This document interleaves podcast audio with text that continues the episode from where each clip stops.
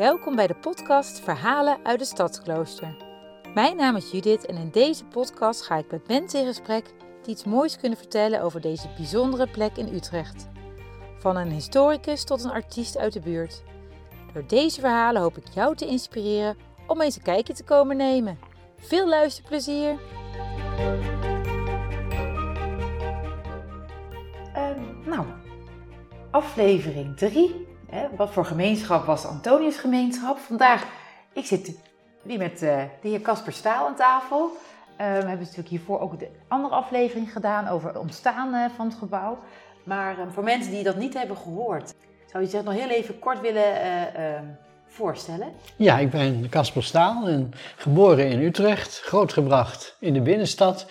En toen ik getrouwd was en wij kinderen wilden, toen hadden wij op de bovenverdieping in de binnenstad daar niet de mogelijkheden voor. En toen zijn we naar deze kant van de stad verhuisd. En zodoende ben ik nou betrokken geraakt bij uh, deze kerk, de Antonius-parochie.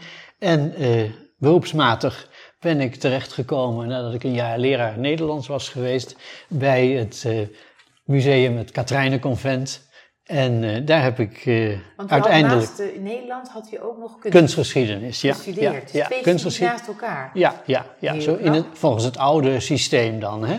En daar heb ik dus in 1978 ben ik daar aangesteld en daar heb ik 31 dienstjaren gemaakt tot ik met pensioen ging. Ongelooflijk, Katharijnenconvent. Ja. De ene, dat, dat maak je niet meer van mee. Nee, nee, nee, dat is zeldzaam aan het worden, dat soort dienstverbanden. Zo, en, en, en u bent ook betrokken bij Stadsklooster, want u heeft hier ook wel eens lezingen gehouden hè, en ook rondleidingen door de kerk. En toen dachten we, u praat zo leuk, maar er zijn maar een paar mensen die het nu horen. Um, daarom nemen we het op, want dan kan, kunnen iedereen kan het luisteren wanneer ze willen. En dat voordat ze een keer naar een voorstelling gaan, dat ze denken: oh ja, dit was deze kerk, wat dat bijzondere raam of die bijzondere toren. Nou, dat hopen we eigenlijk te bereiken met deze podcast. Ja. Maar we gaan het nu niet over het gebouw zelf hebben, maar over de gemeenschap, de Antoniusgemeenschap, die hier natuurlijk uh, 100 jaar heeft uh, gezeten. Want waarom heet het eigenlijk het Antoniusgemeenschap? Nou, Antonius van Padua gaat het over. -hmm. Die, dat is een hele populaire heilige in de 19e en de 20e eeuw. En uh, als Monsieur van de Wetering, de toenmalige aartsbisschop, ja. uh, kapelaan Blaise, die in Etten pastoor is, naar uh, Utrecht haalt om hier deze kerk te bouwen, dan vraagt pastoor Blaise of die Antonius als patroon van de kerk mag nemen. En dan zegt Van de Wetering, nou, dat vind ik prima. En op okay. die manier gaat dat in die tijd. En Antonius is heel populair. Wat ik niet weet of dan deze kerk aan de orde is, maar er was een Rotterdamse reder, schatrijk. Als er een nieuwe Antoniuskerk kwam in het land, was hij bereid daar een flinke duit in te stoppen. Oh, misschien is dat wel een reden geweest. Ja, maar dat heb ik van deze kerk nooit gehoord. Maar bijvoorbeeld van de Antoniuskerk die stuit in Eindhoven bouwde, ja. is dat wel het geval. Daar is van bekend. Kijk, wie weet. Ja. Of, of hij was aanbidder gewoon van uh, Antonius. Ja, natuurlijk. Pastoor Blaise heeft ook uh, verering voor de heilige Antonius, ja. Ja, en heeft hij gewoon dat gekozen. En als hij dan de mogelijkheid heeft om een kerk te bouwen. Ja, nou, en, Antonius, er was natuurlijk in Utrecht geen andere kerk die al Antonius heette. Kijk. Je moet ook een naam hebben die niet verwarring gaat geven. Nee, uiteraard. Ja. ja uiteraard. Ja. En, en wat voor soort gemeenschap was dit eigenlijk? Nou, het is een, een grote gemeenschap die uh, nou ja, hier woont en vooral ook werkt. He, dus je hebt Waar? allerlei bedrijven langs het water van de, uh, van de Leidse Rijn... Mm -hmm. en langs het Merwedekanaal en langs de Bilitonkade. Dat is allemaal water en nou, dat is aan- en afvoer van allerlei soorten bedrijven. Ja, dus de, de, natuurlijk. Ja, de zinkpletterij zit hier van Hamburger en het molenerf De Ster. En, ja, dat nou, kent iedereen nog wel, ja, denk ik. Dus, dat is eigenlijk het enige die nog over is. Al die andere bedrijven... Ik heb hier een heel rijtje uit je boek. Een suikerraffinaderij heeft hier gezeten. Ja. Een sojafabriek. Ja. Een melkfabriek. Een machinefabriek. Een, een zink- en loodgieterij, zei u al. Ja een kalkcentrale en u zei net ook drie kazernes? Ja, er zijn in deze hoek van de stad ook drie kazernes. De Hoyel-kazerne, de Van Zijpenstein-kazerne en de uh, Knoopkazerne. Utrecht is een garnizoenstad. Knoop is er nog, toch? Knoopkazerne, ja. Ja, die ja. is er nog. Ja, die is er nog. Ja, Ja, maar die ja, andere- ja. Maar dat, dat is niet meer zo dat daar zoveel honderd soldaten zijn gelegerd. En dat was vroeger wel. Ja, natuurlijk. En die En soldaten, die katholieke soldaten, die moet je zorgen dat ze niet, eh, zeg maar, te veel naar de hoeren gaan, et cetera. Dus die moeten, nou? die moeten ook, ook in religieuze zin, ge, Gevoed worden. en die hebben aalmoezeniers, maar die hebben ook die, die kerken natuurlijk nodig. Ja. ja, ook voor de geestelijke Ja, de geestelijke gezondheidszorg bij soldaten is van groot belang. En daar wordt ook voor gebouwd. Dus bijvoorbeeld die- zo'n Pieterszoon Koenstraat, dat zijn allemaal chique huizen. Voor de soldaten. Ja, voor de officieren. Oh, is- En de onderofficieren. aha. De soldaten zitten gewoon met, eh, op stapelbedden in de kazerne. Oh, uiteraard. Maar, het, maar, ja. De, maar en de kolonel en de majoor, die wonen in deze chicere huizen. Ah, vandaar. Leuk om te Daar- horen. Daar hoor je nog eens wat. Ja, daarom is, is de, de, nou ja, zeg maar de, de, de, de Lombokstraatjes, dat Ja. waren allemaal arbeiderswoningen. Ja, want- Maar dan ja. staat er ineens een straat bovenop met hele chique herenhuizen. Nou, dat, zo zit de samenleving dan hier in elkaar. En die, we hebben net die fabrikanten genoemd. Mhm. Die dokken, als ze katholiek zijn, ook flink voor deze kerk. Echt waar? Die komen we ook tegen, ja. ja, ja. Oh, dat kun je ook niet meer voorstellen. En dat, ook, een beetje, ook een beetje in de, maar dat komt als we in de kerk zijn, dan komt dat nog wel een keer aan de orde, ook een beetje in de concurrentie. Als hij dit doet, dan doe ik dat. En het was vroeger echt nog prestige. Dat zit er ook bij, ja. Concurrentie in, in, ja, in Want werd het schenken aan de kerk. Ja, want de schenking, hè, dat is vooral aan de binnenkant van de, van de kerk. Ja, hè? ja. Daar komen we de volgende aflevering op, hè, Ja, hoe dat de hele binnenkant is eh, mooi gemaakt. Ehm, nou, dus veel arbeiders uit de buurt. Want vroeger was dit, voordat de arbeiders hier woonden, was het eigenlijk een heel mooi groen gebied voor Ja. de rijken van de stad. Ja. Die gingen hier een beetje flaneren en... eh, Nou, de, eh, er staan ook een hele hoop boerderijen. Dus het is, het is een, ja, een veeteelt, een tuinbouw, een landbouwgebied. Maar dat is alles. Hè? Dus eh, de- deze wijk, maar het Kanaleiland, Ogenaal, et cetera. Ogenaal heet niet voor niks Oog in Al. Vanuit dat, vanuit dat buiten kon je alles overzien. Oh, Oog in nooit Al. over nagedacht. Van Everhard Meister, die daar die grote laan heeft, Ja. die heeft dat Oog en Al gesticht. En dat deed hij vooral om eh, mooi zicht te hebben op, eh, Op het buiten. Heerlijk, ja. Maar het was ook echt, echt veel eh, parochianen waren Ja, hier, hè? ja, Want ja. Hoe, hoe, hoe is die, het aantal parochianen ontwikkeld? Want ging... Nou ja, waar we de, in de eerste podcast over gesproken hebben, dus de spoorboom die bepaalt op een gegeven moment waar, Ja. wat allemaal bij die nieuwe parochie gaat, gaat horen. Dan Ja. worden er huizen gebouwd, er, worden, nou, er is allerlei industrie en allemaal van dat soort dingen. En op een gegeven moment heb je 3000 parochianen en een paar jaar later zijn dat er 6000. Of Want- verdubbeld. ja, dat verdubbelt gewoon. En eh, katholieken zitten niet in Utrecht in de bovenlaag van de bevolking, maar die zitten vooral in het middensegment en het arbeiderssegment. Ja. En dat zit juist hier. Nou, dit was echt een, een groeiende gemeenschap. Ja, dit is dus een heel snel groeiende gemeenschap. En op een gegeven moment werd het meer dan 18.000 Ja. Toen zeiden ze, Ja. nou, dat kan niet het meer. past niet meer Nee, in nee. één kerk. Hoeveel diensten moet je of missen Ja. moet je dan eh, houden? Ja, ja, want iedereen moet op zondag naar de kerk kunnen. Ja, dan ben je En, dag bezig en, en de opvatting is daarbij ook dat je niet te ver moet lopen. Want dan komt er de sleet in. Nou, dat hebben we gezien Ja. met die eh, slagbomen Ja, natuurlijk. ja, ja. En wat was eigenlijk de oplossing eh, dan? Nou, in 1918 splitsen ze een groot deel van deze parochie af. En dat wordt de Onze Lieve Vrouw van Goede Raad. En bij het Buscuretplein, aan de Mhm. Overkant dus van de, van de Vleutense Vaart. Die is er ook nog dan. Dus de Vleutense Weg is de Vleutense Vaart. Daarom heb je zo'n brede middenberm. Dat is gewoon water. Ongelooflijk, En de, tuinder, en de tuinders uit Vleuten, Ja. die brengen dus de groenten en het fruit via de Vleutense Vaart naar eh, het Smakkelaarsveld, het Leidse Veer. En eh, daar wordt uitgeladen en naar de markt gebracht. En die is op verschillende plekken op het Vreeburg. Ja. Maar op die, op die manier eh, zijn die twee wijken ook echt gescheiden. Er ligt Ja. een vaart tussen met Ja. bruggen. En op den duur is die vaart gedempt, want er wordt gewoon een moddersloot. Ja. En dan gaat de weg veel belangrijker worden. Ja. Maar de Onze Lieve Vrouw van Goede Raad wordt dan in 1918 ervan afgesplitst. Ja, En, eh, dus ongeveer 16 jaar nadat het ja, gebouwd is. ja, en dan de volgende afsplitsing is dan 1935 met de Gerardus Majella op Ja. de hoek van de hè. Ja. En eh, op die manier eh, is dit verdeeld. En nou moeten we even helemaal terug naar het allervroegste begin van deze parochie. Ja. Als op de Mariaplaats die kerk in 1939 wordt gesloopt, we komen daar nog over te spreken waarom dat is, dan hebben die Dominicanen geen kerk meer. Daar zitten pa- paters Dominicanen op de Mariaplaats.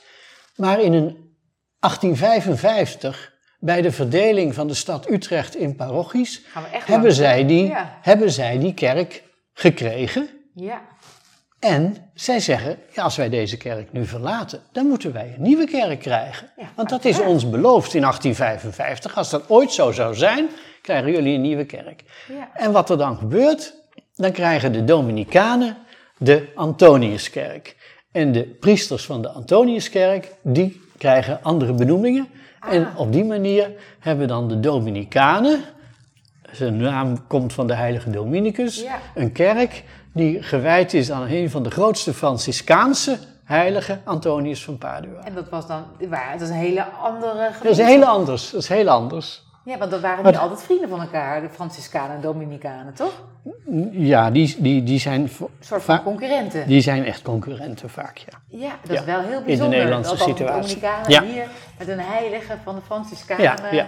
En dus vanaf dat moment hebben de Dominicanen deze kerk. Vanaf 19, wanneer zei je dat? Eh, 1939. Net voor de oorlog dus. En toen dat in 1855, 1939 speelde, toen is erbij gezegd, en als er ooit nog een andere kerk in Utrecht-West nodig is, krijgen jullie die ook. Dat is dus de... Dominicus in Ogenaal van Ja. 1951. Die hebben ze ook gekregen. Die hebben ze ook gekregen en hebben ze nog. Er waren nog... eh, Want die is actief nog, die kerk. Ja, die is nog heel actief, ja. Ja, ja. Nee, hier, hier, hier natuurlijk niet meer. Hè. Het is nu, nu een, eh, een kerk waar voorstellingen Ja. en dergelijke mogen. En hopelijk ook binding eh, voor de buurt. Hè. Dat is de, de bedoeling. Ehm, maar vroeger, eh, ja, nu wordt er op zondagmiddag eh, een mooie voorstelling gehouden, één- keer in de week. Maar vroeger eh, gingen de gelovigen heel vaak naar de kerk. Want hoe ging dat dan vroeger? Dat, Nou, je eh, had sowieso op zondag de verplichting om naar de kerk te gaan. Dus dat gold voor alle katholieken, volwassenen en kinderen. Vanaf een bepaalde leeftijd, kinderen natuurlijk. En, eh, en door de week werd er dus ook ja, eh, gepropageerd om zo vaak mogelijk naar de mis te gaan. En zo had je hier bijvoorbeeld schoolmissen. Dus de jongens en de meisjes gingen in schoolverband naar de mis Gewoon tijdens voor- schooltijd. voor schooltijd. Voor schooltijd? Moeten we nog eerder Acht uur. Acht uur bijvoorbeeld is vaak de tijd van de schoolmissen. Ja, Ongelooflijk. ja de dag. scholen beginnen om negen uur. Elke Ja, dag. of dat elke dag was, weet ik niet. Maar er waren parochies zeker waar dat wel elke dag was. Ongelooflijk. En, en nou ja, en zo zit dat dus helemaal... Een soort meditatie, wat ze nu tegenwoordig deden. Je had ook een- Ga even mediteren voordat je naar school gaat. Voordat je gaat werken. Dat was toen eigenlijk ook al. Even tot rust komen in de ja. kerk. En zo'n pastoor heeft kapelaans, hè? Hier zijn dat er drie. Dus ze moeten met z'n vieren die klus klaren. Oké. Dus eh, om, de, om de, de paar dagen moet je op tijd je bed uit. Die kapelaans moeten allemaal op tijd te bed uit. Oh. Want ieder, iedereen leest als geestelijke één keer per dag minstens de mis. Ja, En je kunt verlof krijgen om het een tweede keer te doen. Maar met vier kun je natuurlijk de, de, de ochtend, want alle missen moeten voor 12 uur klaar zijn, kun je dat ruimschoots redden. zo. Ja. Ja? Want je hebt ook, eh, ik weet niet of deze kerk dat had, maar je had ook een melkboerenmis. Die, en eh, die was om zes uur s morgens. ja, want die moesten de koeien melken. Ja, dus, en, eh, en de vissers zitten daar ook allemaal, want die komen dan eh, net weer terug van hun stekkie en- of gaan naar hun stekkie toe. Hè? Ja, dat is een heel systeem. Dat is ongelooflijk hoe, hoeveel, hoeveel mensen in en uit dit mooie gebouw eigenlijk liepen. Ja, ja, En dat onderdeel was eigenlijk van hun leven. ja, ja. En, en ja, en nu... Nou ja, en ook, ja. ook in die zin onderdeel van hun leven, dat de kinderen er gedoopt worden, dat je in die kerk trouwde, als het meisje uit deze parochie kwam, dan, Ja. dan trouwde je in deze En kerk. communie natuurlijk. En dan heb je de eerste communie, later de plechtige communie en vergeet ook de begrafenissen niet. Ja, Dus de rouwdiensten. dus echt het En de herdenkingsdiensten die er dan ook nog heel veel zijn. Ja. Dus niet alleen de begrafenis zelf, maar ook eh, nou ja, dat iemand een, eh, een serie missen bestelt, zoals dat heette. En dan, eh, nou ja, en daar ging je natuurlijk naartoe als er een mis voor jouw ouders werd opgedragen, Ja. bijvoorbeeld. Als Ja. intentie. Dus eigenlijk was het continu eigenlijk, waar Ja. was hier wel reuring. Ja, Ja. Ongelooflijk wat, eh, hè, wat het gebouw dienst heeft gedaan eh, in die tijd. En wat ik ook opvallend vond in uw boek is dat tijdens de dienst jongens aan de ene kant moest zitten en meisjes aan de andere kant. En dat je dat eigenlijk ook nog terug kunt zien in, de, in het interieur. Ja, dat klopt. Ja. Dat vond ik zo bijzonder. Dan kunnen we tegenwoordig Ja, met nee. onze genderneutrale wc's echt Nee, Oh, dat- bij maar, maar dat is heel erg nieuw. Dat heeft nooit in de samenleving gefunctioneerd, dit. Dus je bedoelt splitsen? Bedoelt? in de vroege kerk zitten mannen en vrouwen al gescheiden. Echt waar? In de vroege kerk gebeurt dat ook. In de basilieken van Rome uit de 4e, 5e eeuw gebeurt dat al. Dat mannen en vrouwen gescheiden zijn. En volgens mij onder Augustinus ook al. De, de, de kerkvader, 3e, 4e eeuw. En, eh, en dat, dat is gewoon permanent zo gebleven. Ook in de protestante kerken. Dus in de protestante kerken zitten de mannen aan de buitenkant en de vrouwen in het midden. Want de mannen kunnen dan even goed kijken of de vrouwen wel opletten? Of, eh, Nou, het verhaal gaat dat de mannen op die manier in een verdedigende functie ten opzichte van de vrouwen worden echt? geplaceerd. Hier is het andersom. Oh, Het is zo dat hier, dus als je de kerk binnenkomt, zitten de jongens rechts en de meisjes links. Waarom is dat? Dan moet je naar het kruisbeeld kijken. Als Christus je op het kruisbeeld aankijkt, ja, dan staat aan de rechterkant van Christus zijn moeder, Maria. ja, Aan de linkerkant de apostel Johannes. ja. En de plaats van Maria wordt door de meisjes ingenomen. De plaats van Johannes, de, de evangelist, door de jongens. Het is ook leuk om naar Maria te kijken. Dat snap ik voor de meisjes. Nou ja, dat hè? is de reden waarom ze links en rechts zitten. Want anders Ja. zou je kunnen zeggen, het moet andersom of zo. Er zijn kerken waar het andersom is, maar dit is de officiële, eh, het meest gebruikelijke. Dus echt, Dus het, meisje, het Maria-altaar zit ook aan de linkerkant, daarom.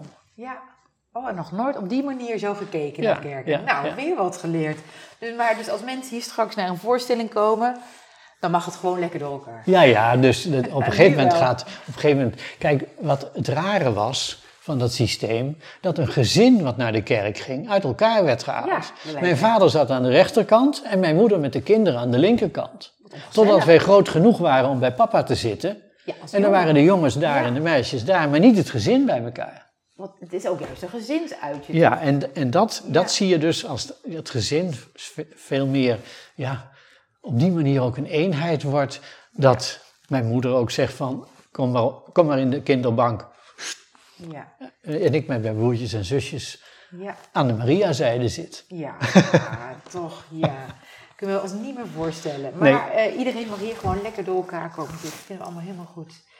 Ehm, en, en naast dat het een gebouw was, hè, met de, diensten en... eh, was ook een grote sociale gemeenschap hè, die nou Ja. verbonden was met, aan de kerk. Ja. Kunt u daar misschien wat eh, over vertellen? Ja, dan, eh, dan hebben we het vooral over de 20e eeuw. De eerste helft van de 20e eeuw is Nederland, later heet dat, verzuild. Ja. Dus zij heeft zijn eigen ook al hebben we zuilen. hier geen Ja. pilaren. Ja, nee, maar- nee, dat heeft een zuilen. Je hebt de katholieken, de protestanten, de socialisten en de rest. Ja. En eh, op die manier eh, is alles georganiseerd. Dat betekent dus dat de katholieken alles voor zichzelf organiseren. Ja. Het voetbal, de jeugdbeweging, het onderwijs, Ja. de KRO, eh, de vakverenigingen, de, de geitenmelkverenigingen, de visserij. Alles is zo. En dat heeft deze parochie ook. Dus allerlei organisaties vormen een, een katholieke eenheid. En de protestanten die verderop zitten in de Vredeskerk, die hebben dat op hun manier ook. Dus, kom je en dat, ook niet met elkaar in aanraking. nee, want nee, je, dus nee. wel op je gaat naar de katholieke melkboer en naar de katholieke bakker, et cetera. En pas in de je ook naoorlogse al niet meer voorstellen. Nee, in de naoorlogse jaren ga- gaat dat veranderen. En daar speelt de oorlog natuurlijk een hele belangrijke rol in.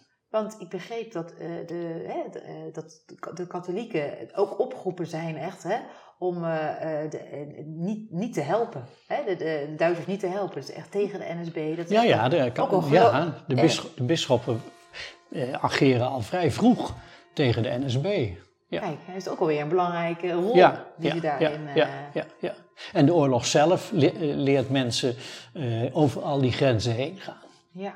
Daar speelt de hongerwinter natuurlijk ook een hele grote rol in. We horen nu heel mooi de kerkklokken. Ja, Eh, want ook die kerkklokken, dat is ook een mooi verhaal in uw, eh, in uw verhaal. Eh, oh, nou, dan gaan we de volgende keer. Maar het is eigenlijk zo leuk, omdat ik net nu, nu zo hoor, dat, dat, dat dat die ook gewoon gestolen zijn door de Duitsers. Ja, dat klopt, ja. Dus bij de klokkenvordering in 1942 eh, worden alle kerkklokken in principe gevorderd door de Duitsers voor de oorlogsindustrie. Al dat brons hebben ze nodig voor de kanonnen en Ja. het andere wapentuig. En alleen hele oude klokken die krijgen een, eh, een grote M daarop geschilderd. En die worden dan gespaard, zoals bijvoorbeeld de klokken van de Utrechtse Domtoren. Die zeven klokken blijven hangen. Ja. En zo zijn er nog een paar klokken in Utrecht die bewaard zijn gebleven. Maar per saldo kun je zeggen, alle eh, niet-middeleeuwse of renaissance klokken. middeleeuwse. Ja, die, eh, ja, en monument betekent dat Oh, ook. ja, ik zat ja, ja, allebei. denken, wat zou de M... Ja, die, eh, ja. die, eh, ja, die worden allemaal gevorderd. Ja. En, En, ja, dat, en dat dan een grammofoonplaat werd gedraaid om de nachtmis in te luiden. ja, ja, Ik vond het ook een bijzonder verhaal. Ik denk, zijn toch wel vindingrijk ook wel. Ja, ja, natuurlijk. Maar ja, het, Ja. het is, die klokkenroof is, eh, dat greep er wel diep in. Ja, ja. Ja. En ehm, eh, oh, u vertelde het over die sociale gemeenschap. Eh, de, de zusters, de Franciscanesse zusters, Ja, die hebben daar een hele grote rol in gespeeld. ja, hè? ja, ja. Dus Dat eigenlijk niet eens hun eigen gemeenschap was die hier zat. Want Nee. er waren Dominicanen, als ik het Ja, vanaf 1939. Maar die Franciscanessen komen al in 1902, in het 1903. begin ja, pastoor Blaise die haalt die Franciscanessen van Heidhuizen. Dat is een grote congregatie die zich bezighoudt onder andere met het onderwijs. Kijk. Die haalt hij naar hier. En dan komen er eerst twee of drie zusters om eens eh, te kijken hoe dat gaat. En die beginnen dan een kleuterschooltje. Ja. En, en eh, nou, dat gaat goed. En eh, nou, dan komen er meer zusters. En zo bouwt pastoor Blaise dat helemaal uit tot een, eh, ja, tot een groot geheel waarbij een klooster komt en een, eh, de, het meisjesonderwijs en het kleuteronderwijs helemaal aan de zusters Franciscanessen wordt toevertrouwd. Zo, wat En die zusters houden zich natuurlijk ook bezig met, met bejaarden en mensen die eenzaam zijn en zo. Die doen allerlei vormen van liefdewerk. Maar ze zijn in wezen, zijn, zijn, eh, als uitgangspunt is het onderwijs. Ja. Ja, je moet katholiek onderwijs geven, vindt men. En het beste kan dat door nonnen en fraters gebeuren. Ongelooflijk. Maar dan heeft die pastoor Blaise een goed vooruitziende Ja, ja, ja, ja, hij wist precies wat. Ja, Monsieur van de Wetering benoemt de bouwpastoor niet zomaar uit het niets. Ja, nee. eh, Die neemt een mannetjesputter, die ook heel aardig is. En die, eh, die, die, dingen die, die, elkaar die krijgt. dingen voor elkaar krijgt. Ja, Ongelooflijk. Ja, Ja, want zomaar je zus is eigenlijk ver weg vanuit de andere kant van Nederland. ja naartoe Brabant. Heidhuis in Brabant-Limburg zit dat. Ongelooflijk, ja. En dat ze dan hier zo hard werken en echt eh, zoveel kinderen hier eigenlijk helemaal ja, ja, eh, ja, vormen. ja. En, de, en de jongens, waar gingen die dan naar school? Niet bij de zusters. Nee, nee, dus er komt een jongensschool hier aan de, hoe heet die straat? Oh, eh, god, dan ben ik de naam kwijt. Nou, hier in ieder geval hier in de buurt. Ja, en, en die wordt gerund door lekenleraren. Oké, dus die... Ja, onderwijzers. En ik geloof niet dat daar de fraters van Utrecht substantieel bij betrokken zijn. Maar die, die hoorden ook eigenlijk niet vanuit de gemeenschap. Die, die jongensschool was niet echt onderdeel van de Antoniusgemeenschap. Jawel, als, als zodanig wel. Dus, maar eh, dat, dat is niet aan een kloosterorde gekoppeld. Oh, oké. Dat zijn Ja. gewoon eh, onderwijzers die de PABO hebben gedaan. Ja. En die goed katholiek zijn. ja, want anders mochten ze hier Nee, anders krijg je natuurlijk je benoeming eh, niet. Nee, Nee, want wat was het overgrote deel van de- deze buurt katholiek? een groot deel wel. Ja, maar lang niet alles hoor. Want Wat dat betreft, Utrecht is wel boven de rivieren. Ja, want Utrecht is wat dat betreft een gemengde stad. Dus eh, ongeveer een derde is katholiek van de Utrechtse bevolking Ja, in die tijd. bijzonder. Ja, want boven de rivieren is natuurlijk... Vaak is het toch... Ja, ja, protestant. dat is zo. Er zijn hele Ja. delen die totaal protestant zijn. Maar Utrecht is dat nooit geworden. Nee. Dat is, eh, dat is niet gelukt om heel Utrecht protestant te maken. Er zijn zoveel kerken. Alleen uit deze kerk zijn er dus drie kerken ontstaan. Ja, ja, ja. Ongelooflijk. ja, Meer ja. dan 18.000 parochianen in 1918. Ja, maar, Ut- maar katholieke gezinnen zijn groot, hè? Ja, ja, en de huisjes, hè, de kon het hier, hier hadden ze een tuin. Dus dat... maar, eh, maar dat is een hele, een hele gemeenschap is hier ontstaan. Ongelooflijk. 100 jaar hebben hier mensen samen eigenlijk geleefd, mooie dingen meegemaakt. Ja. Heeft u de, dat u zegt van nou, ik ben dat nog vergeten te vertellen. Het is zo interessant om nog eh, over die eh Antonius gemeenschap. Nee, we hebben een hele hoop aan de orde gehad. Nou, Ja, ik denk dat we heel veel aan de orde hebben gehad. mooi. En eh, nou, als me later nog iets te binnen schiet, Dan dan, doen we- kunnen we dat in een volgende keer eh, er als een uh, nota bene aan vastplakken. Kijk, dat lijkt me een goed idee. Voor nu hartelijk bedankt voor dit gesprek. En dan hoop ik u weer te zien bij de volgende aflevering. Gaan we het over de interieurdoorschenkingen hebben. Ja, doen we dan. Dank u wel. Prima. Wat superleuk dat je naar deze aflevering hebt geluisterd. Als je nog meer verhalen wilt horen uit het Stadsklooster, abonneer je dan op onze podcast in je eigen podcast-app. En mocht je nog iemand kennen voor wie deze aflevering ook interessant is, stuur het verhaal dan vooral door. Want hoe meer mensen onze verhalen kennen, hoe meer het Stadsklooster gaat leven. En dat is uiteindelijk de bedoeling. Nogmaals dank voor het luisteren en tot de volgende aflevering. Doeg!